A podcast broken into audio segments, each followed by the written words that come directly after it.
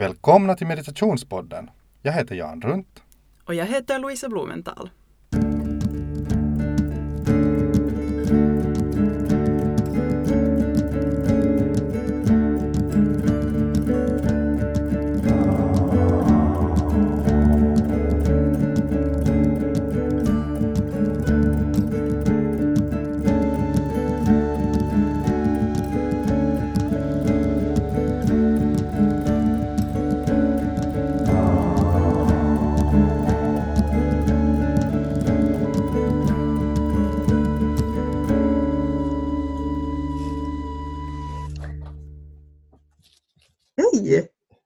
Och välkomna till femte avsnittet av Meditationspodden.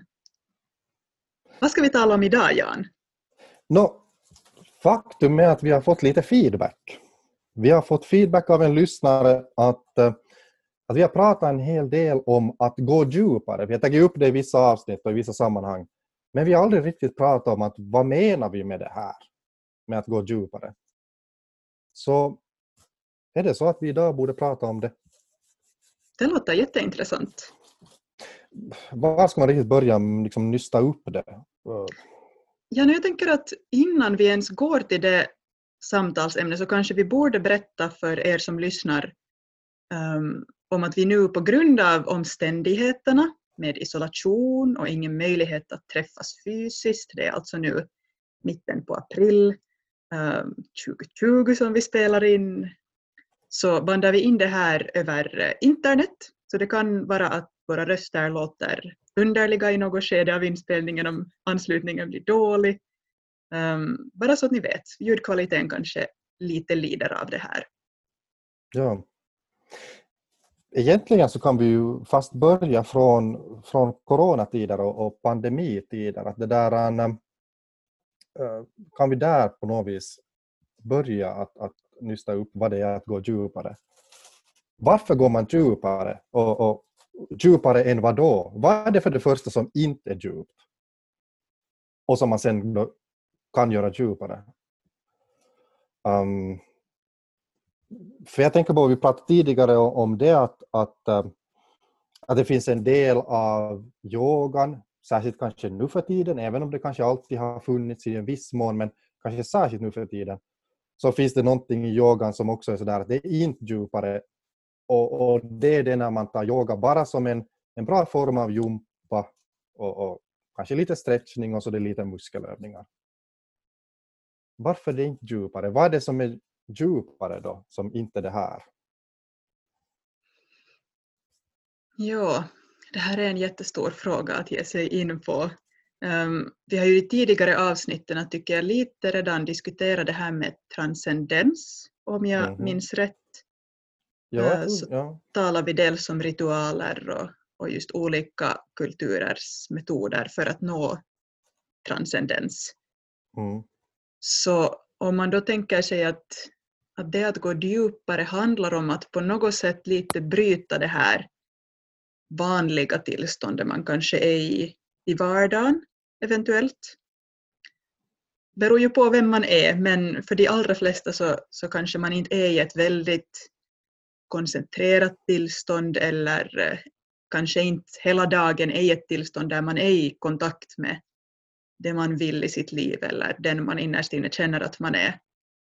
Mm. Så då kunde väl i kontrast till det, det här att gå djupare handla om just det. Om man nu säger det så här ganska i vardagliga termer. Mm. Ja. Jag har, det där, jag har faktiskt nu börjat med en sån sak uh, på mina meditationskurser att jag, jag inleder lektionen med att bara be deltagarna en stund stänga ögonen och fokusera på någonting positivt som har hänt under antingen samma dag eller sen om inte man då hittar på någonting så under samma vecka. Och, och det här gör jag egentligen, och dels för att jag tänker att det ger dem lite en sån här kanske positivare sinnesstämning till att börja med på liksom lektionen. Men det är också som en tanke att demonstrera någonting, nämligen att vanligtvis så har man sin hjärna så där snurrandes i, um, olika saker som man funderar på som är problem av något slag, eller så, det vill säga någonting som behöver åtgärdas. Det behöver kanske vara exakt ett problem, men åtminstone någonting som behöver åtgärdas och som man håller på att fundera kring att hur ska man göra det och så där. Och, och, och det skulle jag åtminstone säga att det är en ganska så här för min del kanske snabb beskrivning av att vad det åtminstone inte att vara på det här djupare planet rent mentalt. Det är när man håller på att bolla med de här vardagliga händelserna och uppgifterna man har och sånt här. Mm. Och det där. Mm. Så det vad du beskriver är egentligen att just det här vardagliga tillståndet kan karaktäriseras av att man känner oro, att man är på något sätt uh, lite intrasslad i tankar eller uh, tyckte jag dig säga också repetitiva mönster. Mm. Ja, och, och, och ganska ofta kanske de är en känsla just som du sa, oro och, och missnöje av någon grad, det vill säga missnöje av att man inte är ännu där var man skulle vara när man väl har fått den här saken ur jorden. Liksom man har fått den här saken åtgärdad eller man har kunnat lösa det här lilla liksom järnpusslet. hur ska jag nu få det att gå ihop? Att, att jag borde hinna dit och göra den här saken men å andra sidan så ska jag hämta den här personen där och där då. Så också liksom en känsla kanske av visst missnöje som kan vara så här, olika grader men ändå stress, oro, missnöje. En vanlig dag i ett vanligt medvetandes liv. Med det där. Ja. Uh, och jag menar, där tänker jag att, att, att, där kan man ju liksom tänka att, att ja visst, så här finns det i varje människas liv, alla möjliga sådana små besvär och små missnöjen. Men då kommer, till, då kommer frågan egentligen att men varför ska man ha någonting hemskt märkvärdigt för att komma ifrån det? Jag menar det räcker att du har fått de här sakerna utförda för dagen och så slår du dig ner i soffan och kanske titta på ett roligt TV-program så blir du avslappnad och så blir allting bra. Uh, och, och, delvis så stämmer det väl. Att jag menar, delvis så kan det vara att det här räcker till, du får lite avslappning. Att, att på något sätt tänker jag väl att det som vi nu då på något sätt har pekat ut att yogan också kan ge, som är det här lite djupare, det här som är någonting annat. Eh, så det är när den här liksom lilla stunden där på soffan framför ett roligt program på TV, när det inte kanske riktigt räcker till. När den lilla avslappningen och den lilla så här liksom roade stämningen, när det kanske inte är riktigt allt vad du skulle vilja ha för att kanske få någon sån här sorts känsla av att jag vet inte, att, att, att vara på ett kanske lite mer, mer så här, eh, vad ska man säga, högre plan eller lite festligare plan, lite glassigare plan än, än, än det här Nu utgår vi alltså från att vardagslivet inte är särskilt glassigt här i och med det här. Ja, alltså jag vet inte, på något vis måste man nu hitta vidare från det. Det blir liksom ett intrasslande i bara det här, vet du. Starten. Uh, ja. Att, no, ja, det, mm, Men jag, jag, tyckte, jag tyckte lite det var intressant det här du sa med att slappna av framför en film på soffan efter mm. en lång arbetsdag. För jag tänker att ofta så när vi pratar om just att gå djupt så tar vi gärna det här exemplet om att det är inte riktig avspänning att du slänger dig på soffan med fötterna på bordet och kanske mm. en glass i handen eller ett glas vin eller vad du nu tycker om och tittar mm. på en film. Att det, det liksom slappnar inte av hela ditt system fullständigt mm. så djupt som du kanske gärna skulle vilja. Um, och frågan är egentligen varför gör det inte? Vad är det som mm. egentligen skulle säga att det är en dålig metod att slappna av? För att i teorin så låter det som någonting som skulle ge en djup känsla av vila och du behöver inte göra någonting, du har inga krav på dig längre, jobbdagen är slut. Så Mm. i sig är det väl inte liksom ett vad ska vi säga, dåligt sätt att slappna av. Är inte problemet där kanske mera det att det för så få och riktigt funkar så att när jobbdagen är slut så hänger du av dig alla de där ogjorda sakerna och kan fullständigt ta en paus. Är det inte lite, nu utgår jag från att det är så här, men att är det inte lite så som Mm. det funkar för många? Ja, och eh, det, är- det är kanske just det som är grejen att, att det finns vissa sådana här, sån här ska vi säga sådana här lätta sorger och besvär? Eller ska vi säga sådana här vardagliga sorger och besvär som du kanske just kan pusha bort bara med att, att eh, roa din hjärna med någonting skoj på TV eller fast jag menar om vi nu tänker att man fast läser en bok och sådär. Men sen så, sen så eh, vet vi ju att, att det finns ändå mycket här kanske i livet eller ja, livet i allmänhet som inte bara låter sig riktigt sådär spolas bort med bara lite underhållning. Men det kan finnas större saker i livet som man funderar mycket över. Större problem eller helt enkelt bara större projekt som binder upp dig hela tiden för du kan aldrig riktigt släppa det. Du finns alltid, det finns alltid lite med dig, du håller på att fundera på det. Men det kan vara helt roliga saker också. Men det är bara det att du hela tiden du hela tiden hänger kvar i det och du håller dig lite sådär aktiv inuti med att fundera över de här sakerna. Hur du ska lösa någonting, hur du ska fast bygga någonting som du ser fram emot nu att göra, men det är bara det att du kan aldrig riktigt komma ifrån det. Och det där, um, jag tror att det är här som, som den här lite större, lite djupare formen av paus i den här aktiviteten som du då befinner dig i, som yogan, meditationen kan ge, det är där som den liksom får sin rätta plats. Eller det, det är liksom till det som den verkligen behövs. Och jag, jag, vet, jag brukar säga ibland då när jag så här eh, försöker eh, motivera mina kursdeltagare, då tänker jag på meditationskurser, så eh, med, motivera dem att, att verkligen öva på meditationen. Och det lustiga är ju att, att jag vet tyvärr, eftersom jag brukar göra sådana lite enkäter, att, jag ber, ber deltagarna räcka upp handen efter att de har gått några gånger på kursen. Eh, och jag frågar dem att, att hur många har nu övat så här regelbundet hemma. Och tyvärr då så brukar jag säga att det är inte alla som sträcker upp handen. Och då är det lite det här att jag vet att man kanske kommer och lär sig någon en teknik. Men sen det här just att börja öva. Så det försöker jag liksom argumentera för varför det är så bra att göra.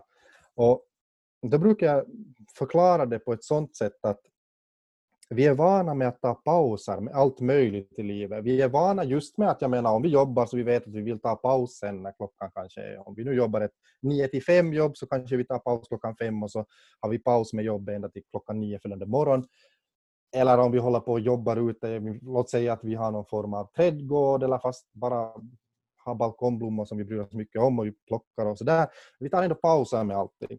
Men någonting som vi aldrig riktigt kanske är vana med, liksom, vi är inte riktigt vana med att också ta paus helt och hållet från att vara en sån här tänkande varelse, att vara bunden i vårt huvud till en massa saker där ute. Att vanligtvis när vi tar en paus så vi är ändå där på något vis i tankarna kvar vid allt vad som ingår i vårt liv.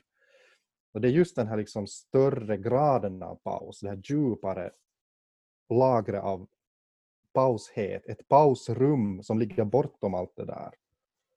Så, så det är väl lite det som kanske är den här pausen. Eller det här, lite det här djupet vi tänker på. Ja, och då sa du att det är många som kommer för att lära sig det här men som inte övar på egen hand och jag har egen erfarenhet också av att det på något sätt kan finnas ett, jag vet inte om jag skulle kalla det motstånd, men någon slags svårighet i att få in den här pausen, det här att avbryta den här konstanta tankeprocessen eller det här tillståndet man kan befinna sig i under en dag. Vad beror det på? Mm. Mm, ja, alltså det är en jätteintressant fråga. Jag, jag, jag undrar dels att, att är det ändå det att vi är vana med att uppleva oss själva som den här samlingen av tankespår som vi har i vårt huvud.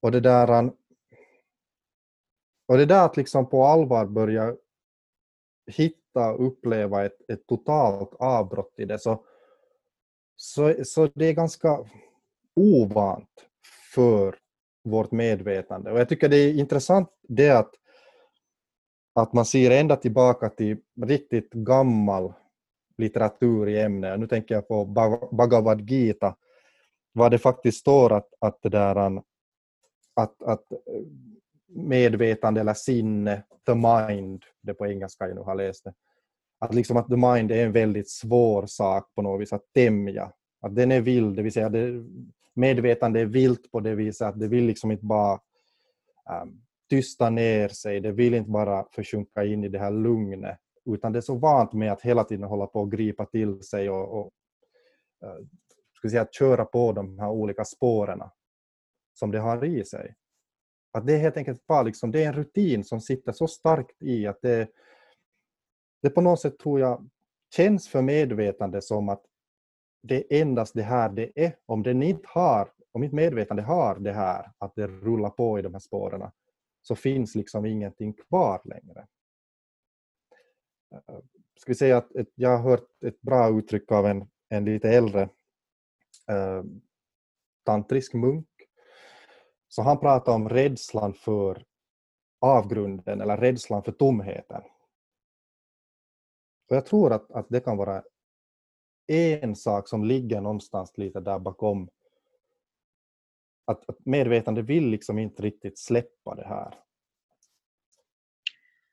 Och jag känner att vi borde lite, när vi nu pratar om medvetande och vi pratar om sinne, kanske lite fundera på vad, vad är vad?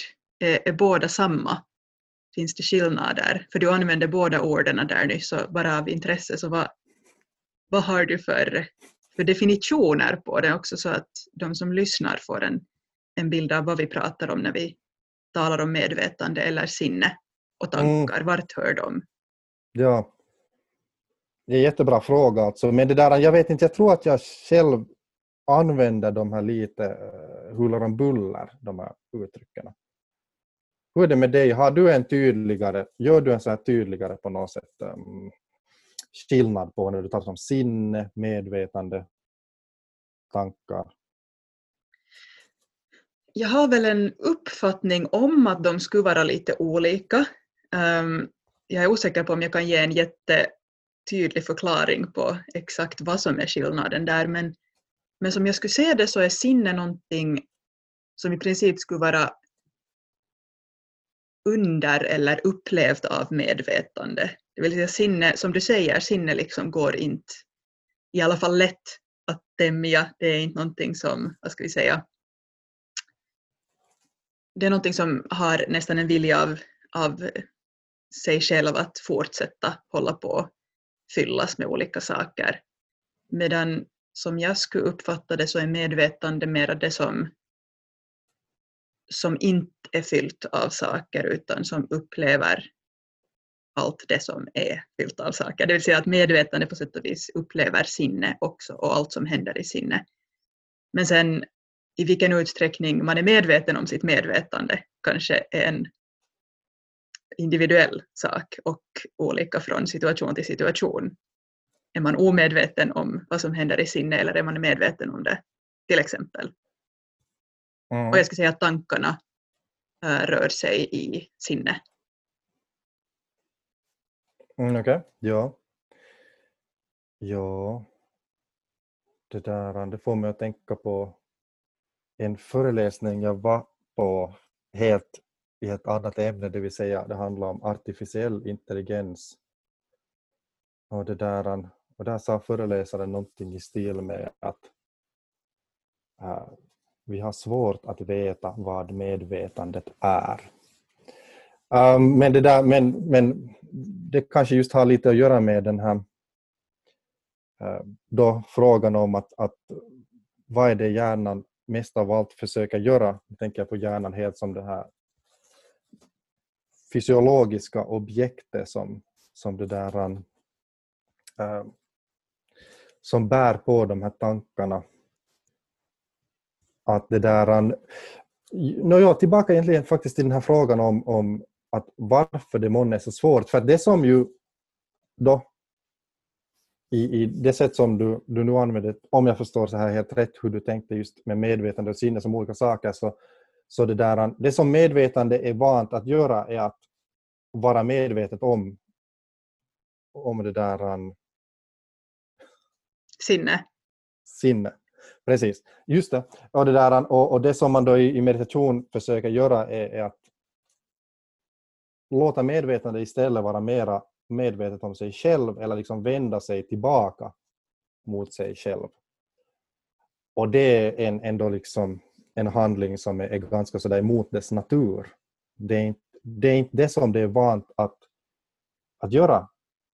Uh, och när man väl har, har vant sig vid det och, och börjar märka att det är en ganska behaglig, inte bara ganska, det kan vara en väldigt behaglig känsla av att låta medvetande på sätt och vis falla in i sig själv, vända sig mot sig själv.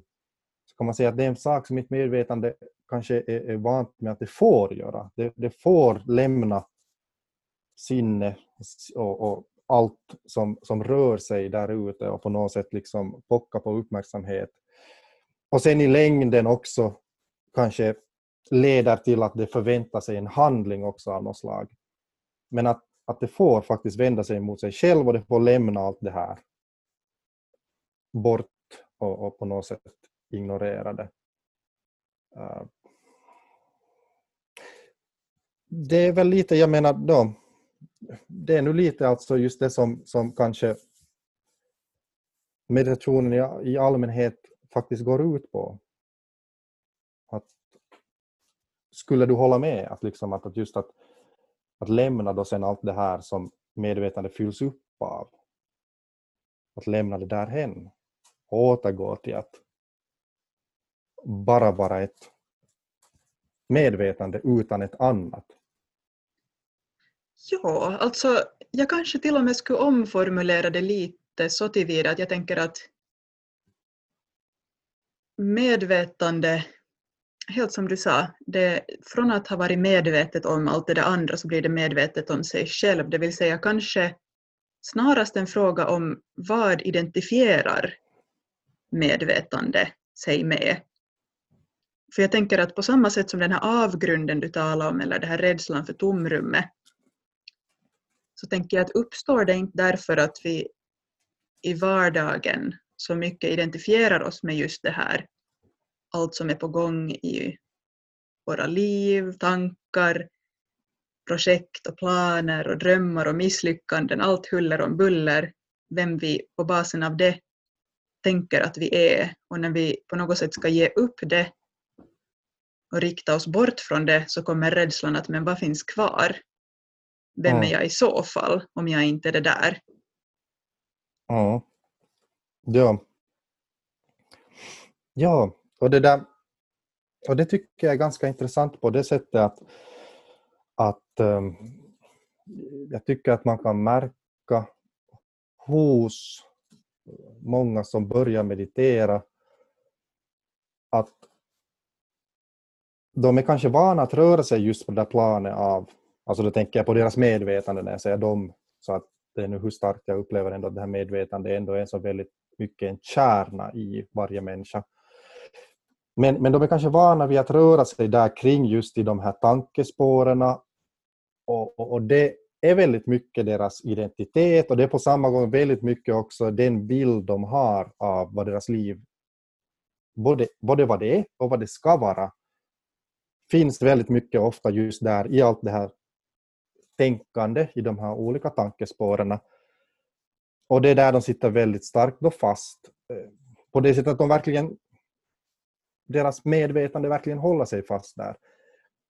Och det som är intressant tycker jag är det att jag brukar faktiskt på sätt och vis lite varna, eller ska vi säga, inte kanske varna, men, men göra kursdeltagarna, de som då börjar med meditation, så, så jag brukar göra dem uppmärksamma på att, att det är inte sagt att det enda de upplever när de börjar då, den här processen av att vända sig bort från det här lite mera då som jag skulle säga ytliga tankelagret för att det är det som är där alldeles närmast den här handlingshorisonten, allra närmast det fysiska konkreta livet.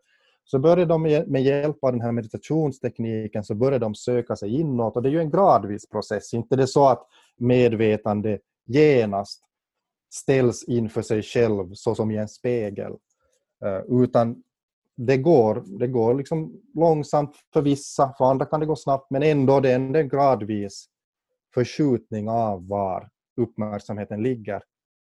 Och Det som kan vara väldigt intressant är att många kan upptäcka saker hos sig själv som de kanske inte annars har märkt för att de har varit väldigt fast och väldigt upptagna i det här ytliga, vardagliga lagret av tankar som inte nödvändigtvis ens längre behöver inte ens ha varit från början. Det kan ha, de kan ha lärt sig utan till ganska stora avancerade tankemönster som har kommit mera utifrån, som mera utifrån har definierat hur de borde leva, hur de borde tänka om sig själva, hur de borde se på sitt liv. Och det kan hända att de här tankemönstren inte ens, om de någonsin har varit, så de kanske inte längre, det vill säga det kanske har börjat med att de nog själva har börjat utveckla en liten bild här av hur de tycker att saker och ting borde ha varit. Och så har det vuxit till sig och blivit en så stor konstruktion att det inte längre det finns inte längre den här um, check-upen, den här liksom kontrollen att ja, men är det här verkligen vad jag vill? Är det här verkligen det som eh, ska vi säga, är i harmoni med mina inre känslor och mitt hjärta och liksom mina allra djupaste önskningar.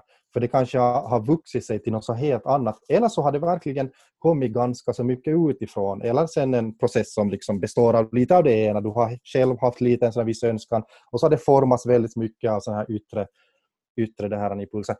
Men min poäng som jag skulle komma till var det att, att för många kan det bli överraskande att märka att när de går lite längre ner, lite djupare, just djupare, då, så, det där, så märker de att det känns inte ens riktigt som att de här stora tankekonstruktionerna känns inte ens som att de är i samklang med deras känslor. Och de kan börja märka att det finns ganska stora tankemönster de har byggt upp eller låtit byggas upp av yttre så här impulser, yttre källor som bara helt enkelt inte är överens med vad de verkligen vill. Och Det kan vara en ganska överraskande upplevelse.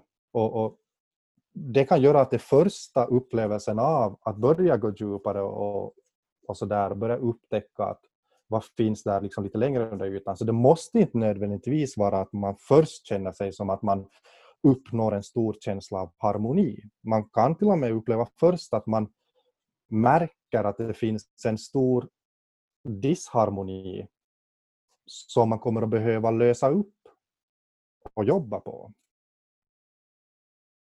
Eller vad tänker du? Ja, nu höll jag en sån här lång monolog om det här men det här är något som, det här är något bara som jag... Ja, Nej, jag, liksom- jag tycker att det var, det var många saker som jag själv också skulle hålla med om. Uh, och jag tycker i alla fall det där du sa sist konkretiserade ganska bra just med att, att det är inte alltid som det känns trevligt i början att mm. börja gå djupare. Kanske just i och med att vi ibland tycker om att nära sidor i oss själva som nödvändigtvis inte är bra för oss själva. Och när vi upptäcker det så kan det kännas ganska jobbigt att mm. inse mm. att man inte är en jätte hur ska jag säga det snällt, uh, vettig människa ibland, utan kan ha väldigt motstridiga mål och handlingsmönster till exempel. Mm att det finns en djup vilja inom en och man samtidigt motarbetar den genom olika vanor man har lagt till eller någonting man, man tänker att det är bra eller man tycker om. Mm. Och sen när man märker det här så då, då blir det bara tydligt. Det är inte som att meditationen gör att man skulle få det här, uh, den här disharmonin som så, men den uppenbarar dem. Och det här leder mig vidare till att tänka på någonting som en kursdeltagare en gång sa till mig Eh, den här kursdeltagaren pratade om en, en yogalärare den hade träffat som har hållit på med yoga och meditation många, många år. Och så konstaterade den här kursdeltagaren bara att ja, att den här yogaläraren var ju ganska speciell. Och då tänkte jag att ja, det är inte egentligen första gången jag hör att en yogalärare är ganska speciell.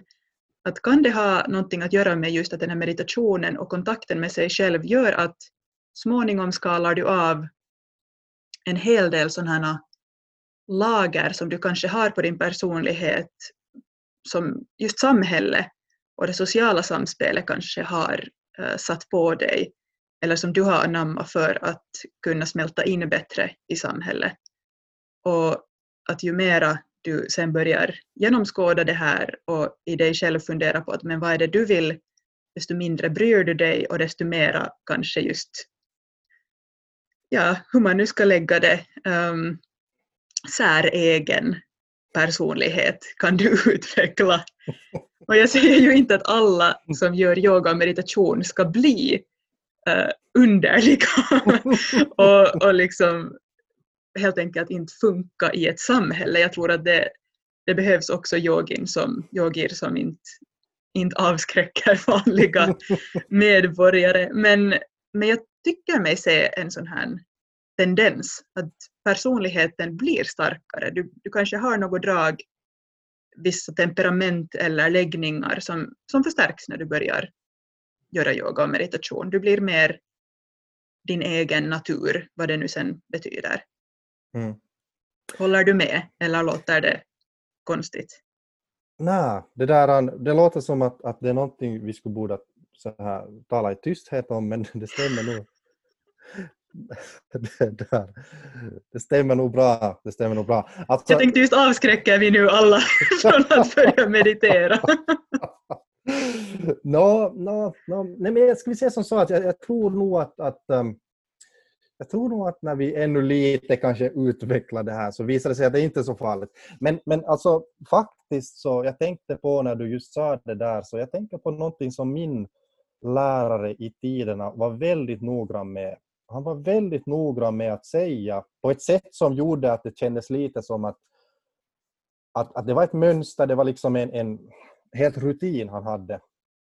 Och det var det att han sa alltid åt sina elever, alltså de eleverna som började studera mera ingående med honom. Inte de här som kom på vanliga yogakurser och kanske gjorde en sån här lätt meditationsteknik alltid. Men de här som verkligen ville gå djupare, nu vi igen här, djupare. Eh, och av dem förstås, så jag var en av dem, så därför så, så var det ett skede då han också sa det åt mig. Och det var det att han sa att, att eh, han sa det på engelska, men jag tar det på svenska. Han sa alltid så här att, att när du börjar meditera, du börjar med yoga, så fortsätt med vad du höll på med för. Fortsätt studera, fortsätt jobba, hoppa inte av någonting. Och det här tycker jag bara visar att han visste att det fanns ändå en tendens att folk som börjar gå djupare, som börjar meditera liksom mera på ett sånt här uh, vad ska vi säga, tantriskt plan, att det var en, en sån här djupare meditationsteknik, jag tror att det fanns en sån tendens, han såg det, att det var många som började ifrågasätta väldigt mycket i sitt liv hittills, hur de hittills hade levt sina liv. Och han var kanske lite orolig för det, att han ville inte se genast det liksom att, så fort man började sen gå med honom på sån här lite mera, vad ska vi säga, eh, avancerade kurser så börjar man hoppa av sitt jobb, hoppa av sina studier. Jag gjorde ju det faktiskt, så jag, jag, jag följde ju inte hans råd. Jag hoppade av mina studier. Men det var nog kanske, alltså det var helt utan någon som helst tvivel rätt sak för mig att göra i den, den liksom, vad heter det, situationen jag var. Jag menar, mina studier kändes bara då inte som att det var min grej och jag blev så mycket mer fascinerad av möjligheten att själv bli lärare och börja studera med, med Eh, honom då på heltid. Göra det. Så det är klart att man kan inte ta det som någon sån här generell lag. Man kanske i så fall, ska vi säga så, jag skulle utveckla hans råd lite.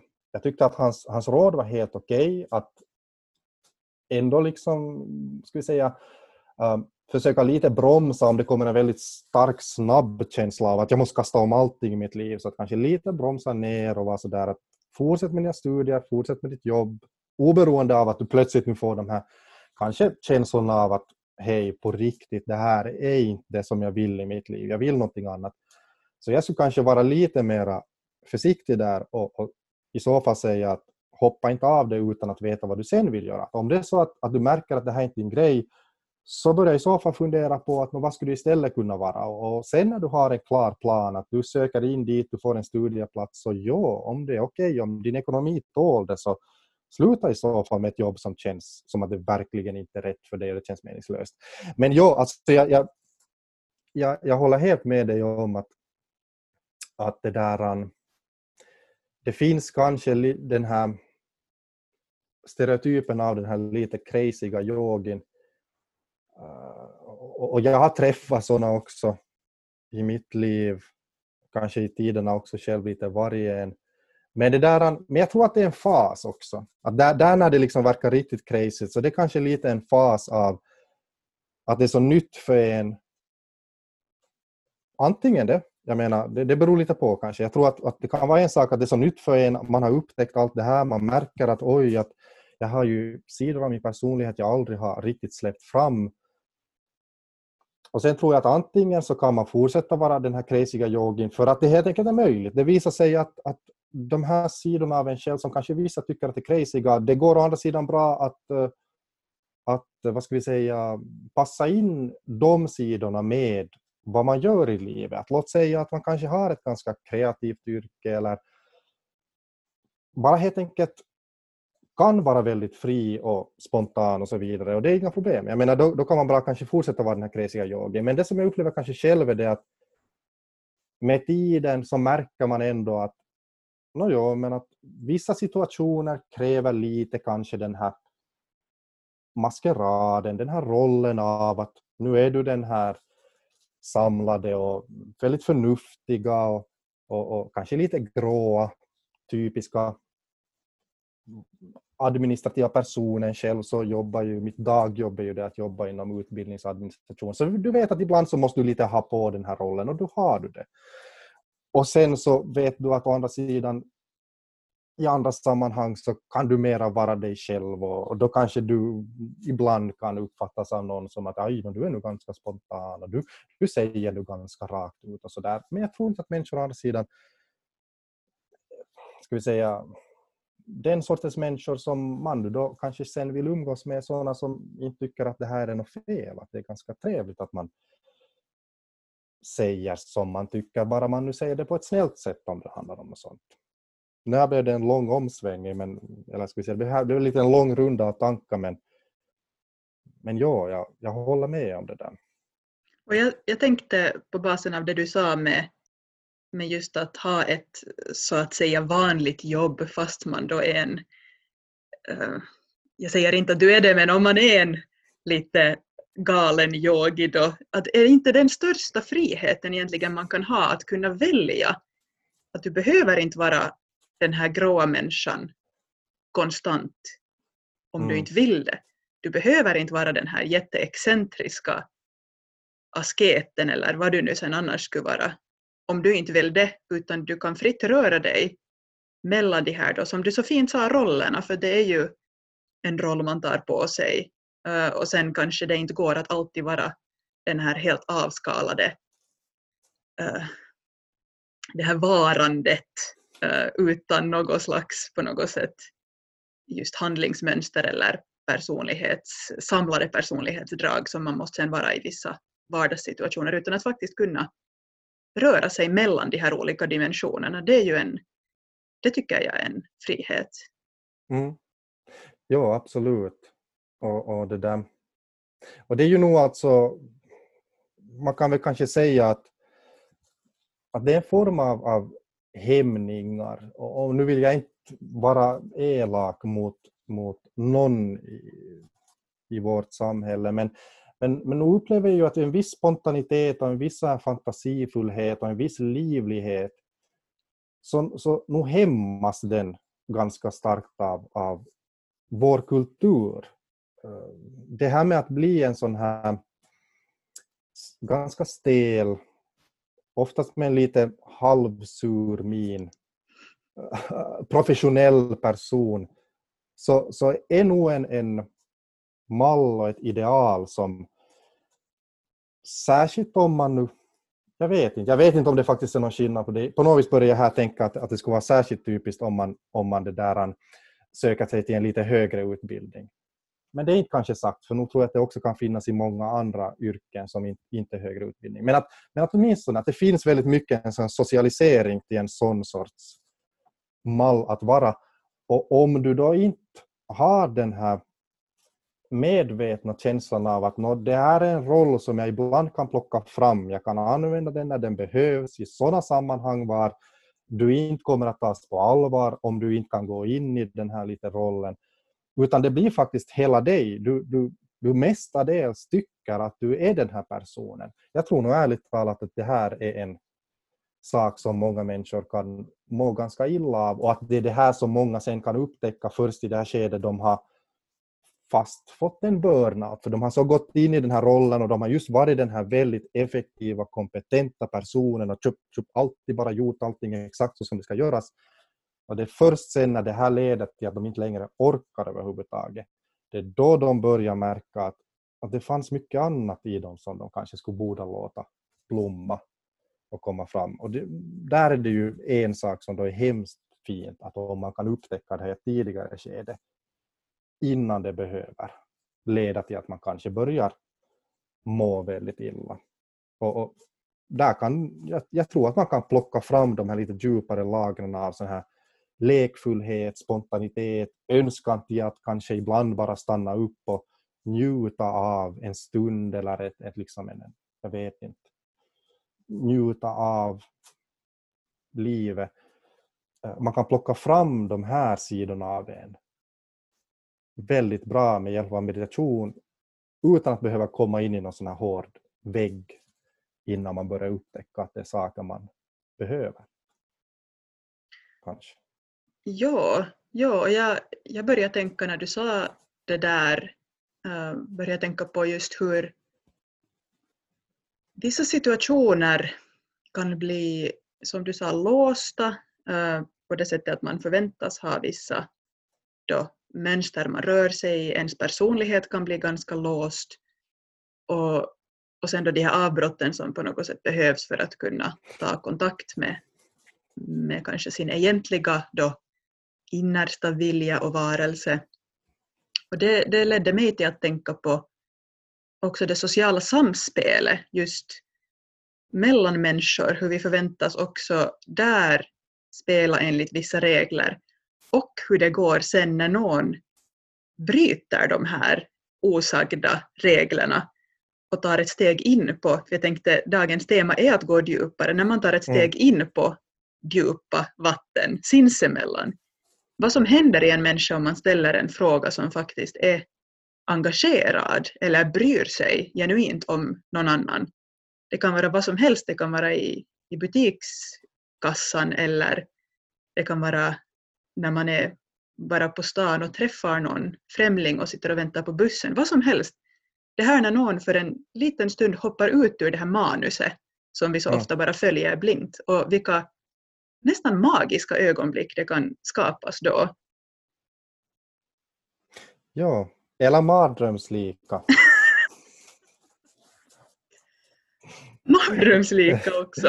ja, ja. Det, Nej men alltså ja, för att, alltså, det som jag tänker på nu, det som jag börjar tänka på nu är att, att det här är liksom, det här är dels att gå djupare.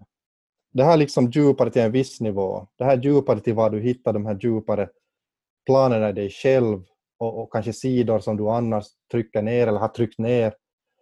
Men det kan ju bra vara att när du går ner till de här djupare planen, eller det vill säga även om du har kontakt, du har ganska bra kontakt med djupare plan, så jag skulle nog säga att det också sen finns någonting att gå djupare än dem. För det här med mardrömslikt, det kom fram nu när du sa det här just om att ställa en fråga eller liksom öppna, öpp, liksom bryta sig ur manuset. Så jag kommer att tänka på eh, sådana perioder i livet när man har varit med om någonting väldigt, väldigt jobbigt. Jag, jag, jag tänker helt nu liksom sådär på någon tid till exempel när man själv har upplevt någon sån här liksom sorg i livet, någonting tragiskt. Och, och så, så ställs man inför den här situationen att, att någon bara frågar så hemskt artigt. Man har kanske sitts på en tid och, och så träffar man någon kollega som man kanske inte alltid träffar eller, eller så här. Och, och, så, och så frågar ni, bara för att vara artig, så frågar ni men hej, hej, hur går det med dig? Eller, eller hur har du haft det? Och den här situationen när det är sådär att no, ska du svara det här korrekta svaret, vilket skulle göra situationen enkel och lätt och så kan ni bara gå vidare och småprata om det ena och det femte. Eller ska du säga hur det på riktigt är, att ja, no, jag har nog faktiskt gått igenom en stor sorg här i mitt liv. Jag menar, eh, och ibland, så, så, så ibland är det ju inte liksom bara ibland är det ju inte bara kiva och det tror jag också är en orsak till, det kan vara en del orsak till att, till att många kanske håller den här äh, djupare känslomässiga sidan ibland neddämpad. För det kan ju också vara att det finns mycket smärta där. Och det är det också som jag sen tycker att det är viktigt att poängtera att det finns ju också sen ett plan som är djupare än det. Det vill säga att, att det här är att uh, komma till en viss nivå, komma bort från det här vardagliga, konstruerade delvis, lite en sån här kostym av tankar som du har satt på dig, som du har kanske fått genom utbildning och uh, vad ska vi säga, så här social anpassning av hur man borde tänka om saker, vilka bilder man borde ha. Kommer man djupare ner kommer till mera det här känslomässiga spontana planet, var man kanske ifrågasätter vissa saker som, som är så här vedertagna, som anses vara självklara. Men så kan det ju bra vara att det på den nivå, nivån finns saker som också är jobbiga och som du vill komma djupare än. Och jag skulle säga att, att det är kanske någonting av sen yogan och meditationens, särskilt sån här liksom djup meditation, den särart framför mycket annat som vi har att ta till när det gäller att på något sätt så här komma ifrån det allra mest ytliga. Och det är det att den ger just metoder för att gå ännu djupare än dina känslor, dina mer spontana önskningar och drömmar. Och lämna dem också bakom sig som att det är helt fine, att de ska finnas där, men att du tar en paus från dem också och går ännu djupare. Ja, definitivt. Och eh, jag kanske ändå ska lite förtydliga vad jag menar med den här magiska situationen som kan uppstå när man äh, tar en liten paus från, från manuset i vardagen. Och då, då tänker jag just att, helt som du sa, det, det är inte alltid det här djupa är glättigt eller mm. roligt utan det kan, det kan finnas smärta och det kan finnas sorg. Men vad jag kanske syftar till var, vilket kanske är ganska svårt egentligen i vardagen för att alla har sina agendor och sina möten de ska hinna till och de ska hinna köpa det ena och det andra innan barnen kommer hem från skolan, när de alltså inte är hemma som de är för tillfället.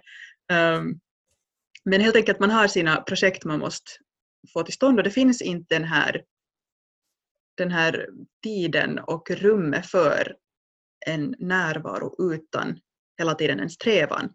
Där man skulle kunna mötas och om, säg att man skulle prata med varandra och det skulle komma upp en sorg så skulle man kunna eventuellt fungera som det här medvetande, som den här spegeln för den andra. Det var kanske mera det jag syftade till i en mm. idealisk situation där två människor möts och faktiskt i tid och med liksom inga dolda avsikter kan dela någonting på djupet. Mm. Ja, ja, ja nej, precis. Att, att om man är den som ställer den här frågan och, och, att hur går det och sen är helt redo på att, att det kan gå precis hur som helst. Och, och ja. där, så ja, ja, helt sant. Det där. Ja, nej, att, att, att dra till med mardrömslik istället för magisk var nog lite jag erkänner att det var lite fräckt men det där. Men, ja, men, det... Nej, men det, det, var bara, det, var, det var en tanke egentligen. det var en tanke som bara slog mig att att, att, att det sen liksom att, att nu, nu tänkte vi ganska mycket på det här fina med att släppa fram det här spontana, men det kan ju också just vara det att det finns liksom jättejobbiga saker som är där lite längre nedanför ytan. Ja, och jag tycker det var viktigt att du ändå lyfte fram det här med att att det är att gå djupare, det är att du inte bara trycker undan dina tankar och känslor. Redan det är mm. ett framsteg. Men mm. det är inte hela sanningen, utan sen, just som du sa, så finns det också behov av att gå ännu djupare än dem, så att man inte fastnar där och tänker att det är vem man är, den här stora sorgen, den här stora glädjen, de här fantastiska planerna eller det här urusla, jag vet inte, matematiksinne eller vad det nu är man än identifierar sig med. Mm. Ja, och, och, nu hör jag att du börjar gå verkligen in på ett sån här metaplan här. För att det där, jag tycker att du börjar prata om en lite så här vidare syn på att vad är jaget? Eh, är jaget just ens de här sakerna, ens djupaste känslor, ens drömmar eller ens sorger, ens rädslor. De sakerna som man kanske inom ännu då psykologin till exempel verkligen skulle identifiera som att det är det här som är på något sätt en människas jag-upplevelse. Men det är ju just det som är det speciella med, med yogan och meditationen, tantran, att man tänker sig att ja, visst är det här liksom en del, det här finns inom ens jag, men att det finns någonting inom jaget som ännu går förbi det här och har man inte kontakt med det så är man ännu en, vad ska vi nu säga, på något sätt så här, man är inte riktigt en hel människa, man har, man har inte riktigt ännu en, en sån här helt um, fullständig bild av vad det kan vara att vara hela på något sätt uh, spektrumet av, av sig själv. Det, här, det blir väldigt flummigt när jag säger det. Med det där, Nej, men jag, jag känner också att jag bevar lite för att gå dit, för att hur ska vi diskutera kring det här allra mest innersta och djupa? Det är ju, mm. det är ju verkligen en, en allvarlig sak, om man nu kan säga det så, men en, en sak att ta, ta allvarligt. Ja, det där, ja, alltså absolut. Jag tycker på samma gång så är det just det att, att det den här sidan som på något sätt på samma gång så mycket rensar bort allt allvar och, och alla sorger och besvär. Alltså, um, och där börjar det redan bli att det är att lova ut väldigt mycket, men jag tycker inte att man å andra sidan kan låta bli att, att heller riktigt göra det. Alltså, jag tänker bara på när jag, när jag bodde med min, min då egna lärare i Tammerfors, och det här är då 20, 19 år sedan ungefär, så var jag ute och promenerade en dag och, och det var en grupp med, med eh, någon så här väckelse religiösa ungdomar som stod på trottoaren. Jag tror de spelade musik och så ville de prata med folk som gick förbi. Och, och så gick jag och tänkte att men det här är intressant, alltså nu, nu, ska jag ge dem, nu ska jag ge dem en muntur här. För man brukar alltid bara gå förbi sådana här, man brukar aldrig prata med dem. Och i och med att jag då själv hade kommit in i den här djupare sidan av yoga och meditationen och, och, så där så hade jag börjat tycka att det är ganska intressant att vad är det människor söker när de söker någonting bortom vår vardagliga upplevelse av världen. Så jag tänkte att jag skulle ta en liten diskussion. Så jag pratade och där var en ung dam som delade ut några flyers. Så jag stannade vid henne och, och tog en flyer. Och så, och det där, och så frågade jag att, att det där, att varför tycker du att det är så bra det här som ni... Jag kommer inte ihåg vad det var för rörelse och sådär men det var en kristen, alltså så här väckelsekristen rörelse. Och, det där, och jag frågade att varför tycker du det är så bra det här? Alltså, vad, vad, vad får dig att, att tycka så mycket om det? Och, och då sa hon att, att no, därför för att hon har en gång så har hon uh, fått kontakt med Gud. Och det, där, och det här tyckte jag var mycket intressant att hon sa, så, så jag frågade att, hur kändes det? Alltså, hur, hur märkte du att du fick kontakt med Gud? Och, det där, och då sa hon att hon satt på sitt rum och jag tror att hon sa att hon var väldigt ledsen att hon bad till Gud om hjälp. Och sen sa hon att en enorm känsla av kärlek och glädje kom över henne i den här stunden. Och, och det sa hon då att, att det här var Gud. Och jag, ung som jag då var, jag var 21 eller någonting den stilen, 22 kanske vid det skedet, så var nu kanske lite kökig och okänslig för jag svarade åt henne sen att ja men den där känslan får jag varje dag när jag mediterar. Och det är bara, alltså jag menar, det, grejen är bara den att, att det var helt sant då. Och tack och lov så måste jag säga att det är nog lite så ännu i denna dag. Och jag menar det är liksom intressant på det sättet för att jag var väldigt, jag var, som, som vi har diskuterat tidigare så att jag ska inte gå så långt in på det, men, men jag var väldigt total så här materialist och liksom icke uh, benägen att överhuvudtaget uppleva att det finns någon sån här andligare saker i världen. Innan jag hade hållit på då med, med yoga och just den här djupare meditationen, kanske ett år, ett och ett halvt, och börja ha liksom riktigt så här stark känsla när jag mediterar. Och då liksom, jag kunde liksom börja förstå vad det är man menar när man pratar om att man får kontakt med just ett sånt här någonting större, någonting djupare. Skillnaden är kanske bara den att jag upplever inte att det är någonting som är skilt från mig själv, utan att det är just bara det att då, då, då släpper till slut de här begränsningarna, då släpper de här sista, vad ska vi säga, de sista greppen som de här orosmomenten eller tankarna eller liksom lite så här besvären eller olika saker just som rör sig ännu på något sätt i det här mera jag som en del av ett aktivt liv eller som en del av ett aktivt socialt sammanhang. Att de sista sådana här greppen släpper för en stund och det öppnar upp just den här upplevelsen av vad det att vara ett jag till någonting så på det sättet mycket mera lätt och, och, och behagligt och rofyllt. Och det skulle jag säga att det är just att, att ta en paus från att, att vara det här psykologiska jaget. Det som man annars tänker att är den här kanske djupare nivån. Och det att ta en paus från det och vara liksom det här jaget där under. Vilket får mig att tänka på det här begreppet Satchitananda. Mm, är det bekant för dig också? Det är nog bekant, ja. Det är nog bekant. Det där... Och um, ja. Jag tänker att det beskriver väl ganska bra egentligen det här tillståndet. Som, mm. om, om jag förstår dig rätt vad du beskriver där med känslan av, av lycksalighet och kärlek och frihet från den här vardagliga tumulthjärnan. Ja. Mm. Vad heter det? Så Satchitananda som jag har förstått det består av tre ord där Sat mm. skulle vara den här eh, varandet, existensen. Eh, där Chit betyder medvetande och Ananda är den här djup djupa glädjen, djupa lyckan som kommer av att vara i det här tillståndet.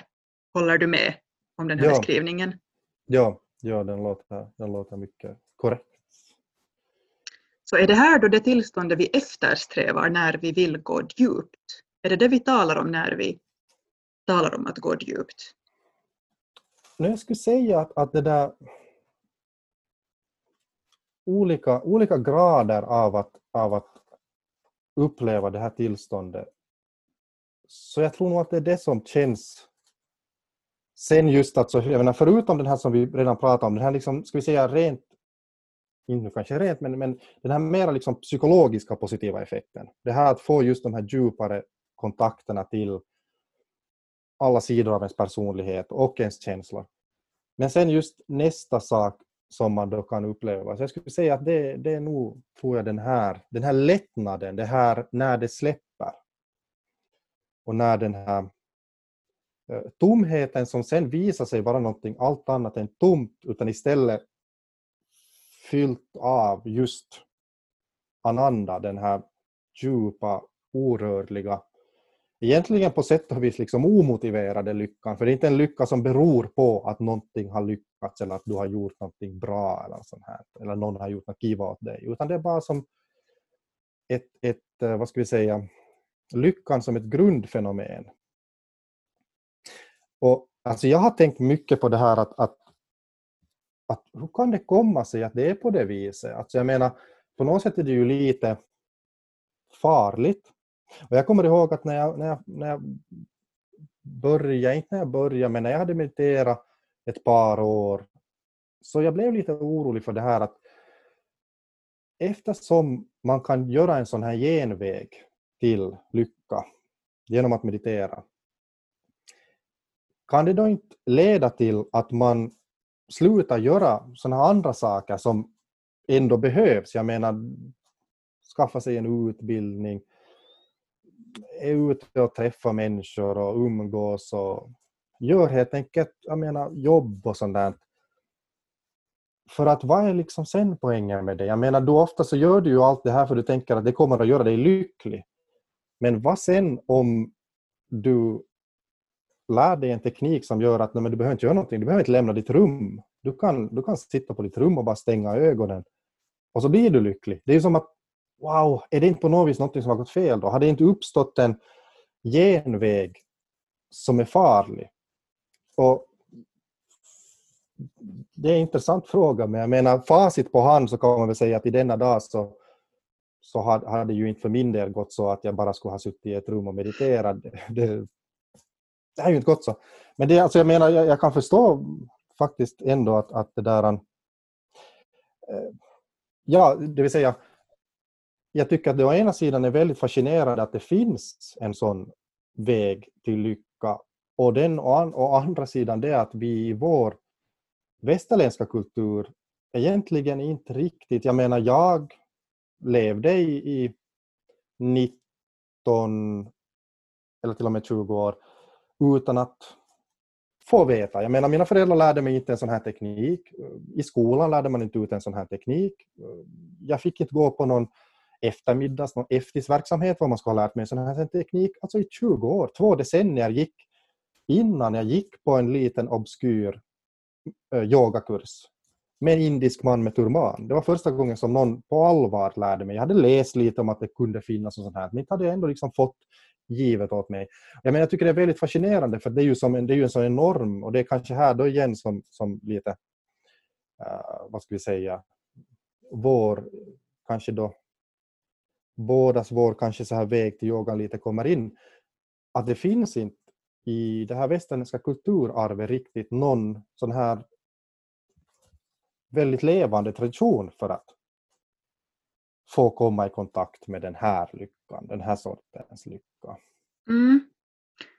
Ja, uh, och jag, jag fick många tankar nu som kom upp samtidigt men jag tänkte en av dem som nu det är risk att det låter töntigt men, men alltså är det inte därför det talas i många traditioner om att tillståndet barn är i, det mm. här på något sätt som man ser som ett slags ursprungligt, liksom ursprungstillstånd, rent tillstånd.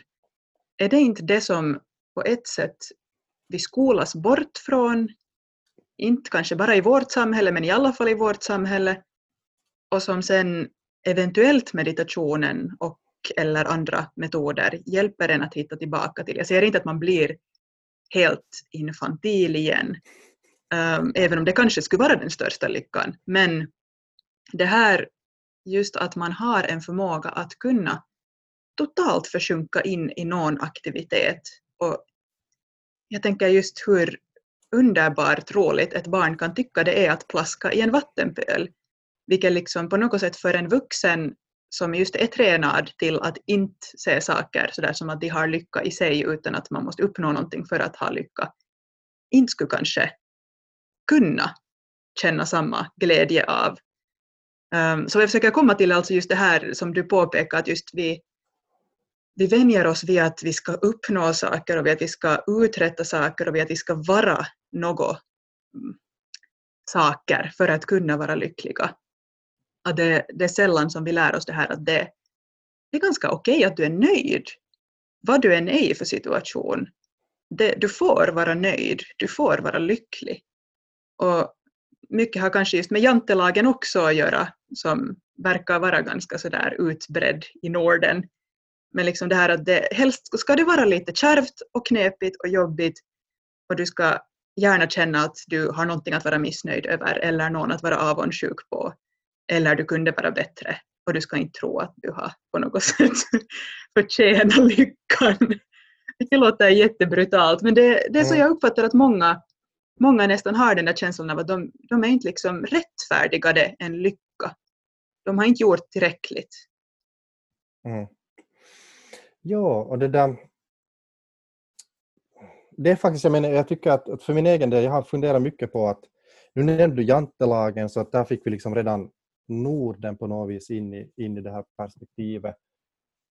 Att varför är det, är det någonting som vi åtminstone i, i Västeuropa eller Europa kanske, Nordeuropa, jag vet inte vad liksom man helt ska avgränsa det, men som man har blivit ganska dåliga just på det här.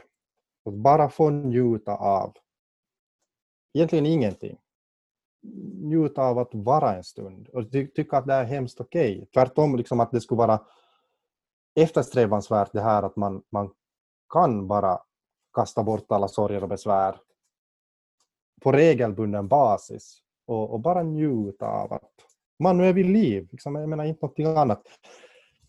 Eh, att, att vi, jag kommer ihåg, vi, nu har vi ju råkat vara en gång på, på en middag, vi två, det var med en, en eh, det var inte en släkting till dig men en bekant som, som ställde frågan att, att varför ska man vända sig till andra traditioner? Varför ska man vända sig till till exempel den österländska traditionen då, för att hitta en teknik för att kunna uppleva den här bara stundens lycka?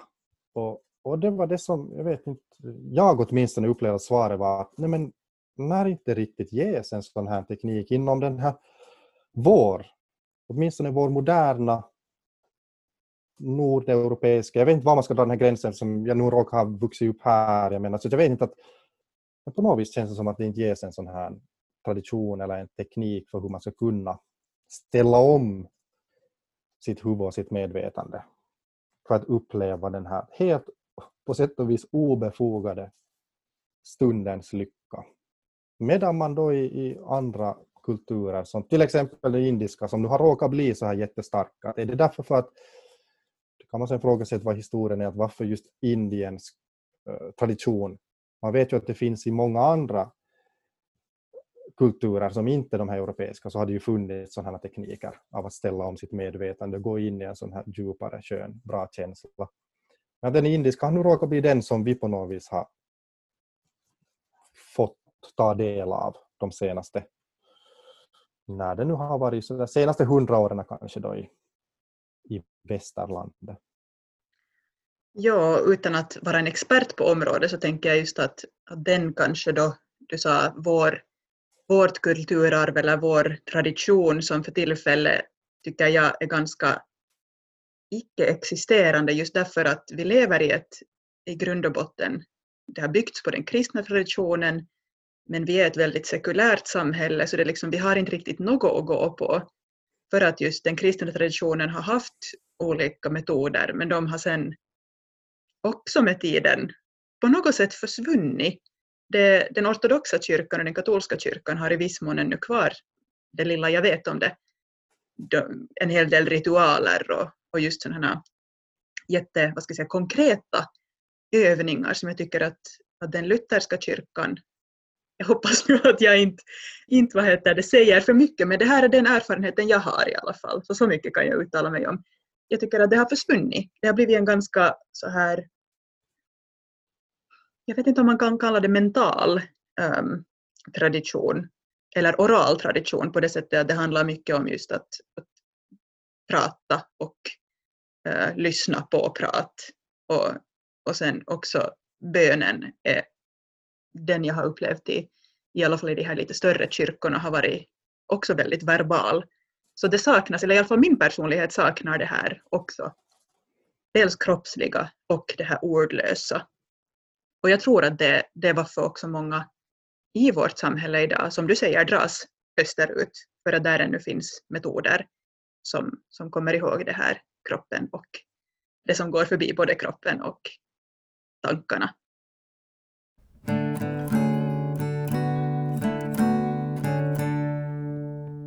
Jag känner lite att vi nu har gått som katten kring het gröt här det här avsnittet. Har vi ännu något vi kan mer konkretisera, komma fram till för våra lyssnare som, så här tålmodigt har väntat på att vi ska komma till vad är det exakt vi menar när vi menar när vi pratar om att gå på djupet.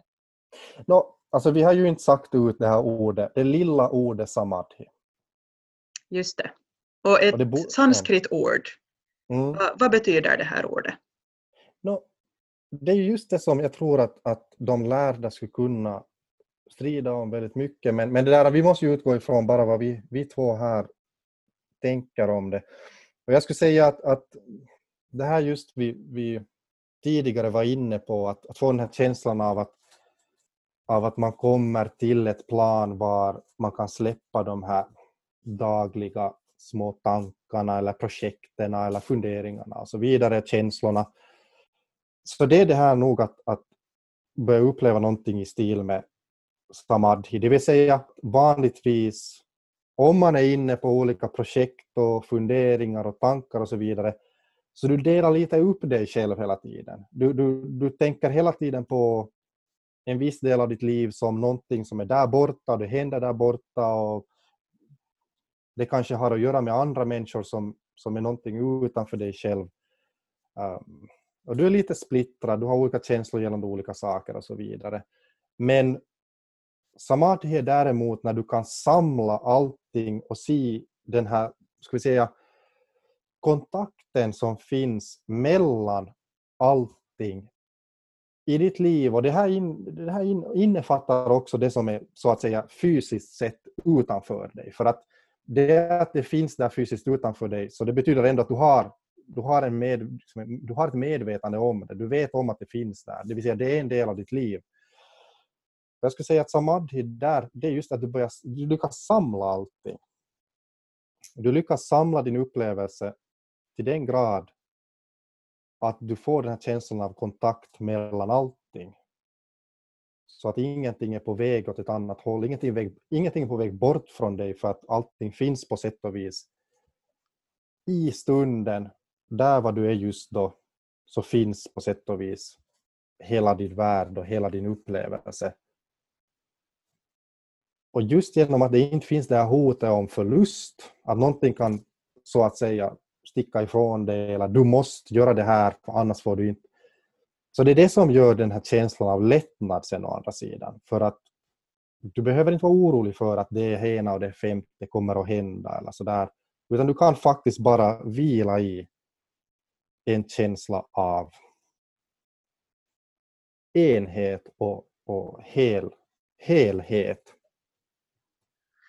Och när man i litteratur eller också då av sina lärare får höra ordet samadhi, samadhi är det då är det samma samadhi vi talar om när till exempel man talar om en, en yogi som sitter i en grotta och upplever samadhi? Är det någonting som finns tillgängligt för den gemene, vad ska vi säga, Eh, yogin eller yogautövaren, meditationsutövaren? Är det någonting som du kommer in i och sen är du där upplyst för resten av ditt liv? Eller är det ett tillstånd? Är det en övning? Hur ska vi närma oss det här samadhi?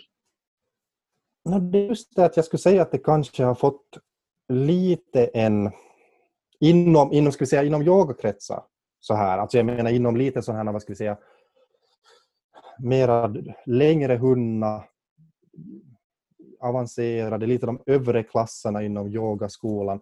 Så det kanske har fått lite av en aura av någonting just oåt, halvt oåtkomligt eller halvt på något vis så här mystiskt, någonting som är mer en legend uh, än vad jag tror att det riktigt förtjänar. Jag tror att, att det där um, att det, det, det, handlar liksom alltid om grader.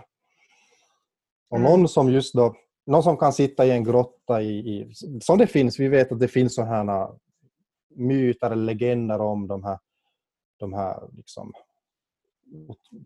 jätte, ska vi säga, avancerade yogierna som har kunnat sitta i en grotta i åratal och befinna sig i en ständig känsla av total lycka och glädje. Så det, det är bara helt enkelt gradskillnader. Att för den här, ska vi säga, nya meditatören som kanske har börjat och kanske, det måste jag ändå säga, som kanske ändå har övat på det regelbundet en tid. Eh, som börjar ha vissa glimtar av att det kan kännas väldigt bra att meditera. Man kan vara riktigt så att tycka att åh, det var riktigt skönt att jag mediterade där. Det tror jag nog liksom att bara man lite övar på det, bara man ger det rutin så, så tror jag nog att man, man liksom just kan börja uppleva det. Att oh, det kändes det riktigt bra att meditera. Och det är ju grader av det. Eh, sen om man faktiskt satsar väldigt mycket på det så kanske man kan komma ännu längre i det och ännu, ännu mer uppleva att wow, att det är helt en sån här total på något sätt eh, bortkoppling av de här orosmomenten i livet eller vardagliga små tankarna och sådär. Men där har vi kanske den här yogi som sitter i grottan. Det är i så här springtermer. Jag brukar använda ofta liknelser till att jogga när jag pratar om meditation. För att med det så vill jag understryka det att det är precis som med joggning, att om inte du går ut och joggar regelbundet så inte hjälper det att du känner till hur man joggar. Det hjälper inte att du har en teknik för att du sätter ena foten framför den andra och du studsar lite med benen. Det, inte hjälper det överhuvudtaget utan först ska du förstås få reda på att hur du springer på ett bra sätt för kroppen så att du inte, inte sliter ut dig. Men sen måste du göra det flera gånger i veckan. Med joggning då kanske kan vara det vanliga rådet att det är bra att man joggar några gånger i veckan om man faktiskt vill få upp en sån här bra springkondition. Och det är helt samma sak med, med meditation. Att du måste göra det regelbundet och jag förstås rekommenderar ju alltid dagligen för att det är nu min egen rutin att, att göra det dagligen. Men helt som med den här som joggar, till slut så kan du börja springa långa sträckor. Det vanliga är det att du utvecklar kondition och kanske du en vacker dag kan börja springa maraton. Och där skulle jag säga att den här yogen i grottan, det är en ultramaratonare. Det, det... alla behöver inte överhuvudtaget vara det. Jag menar den här som går ut och, och hölkäja som lite så här springer fem kilometer ett par gånger i veckan.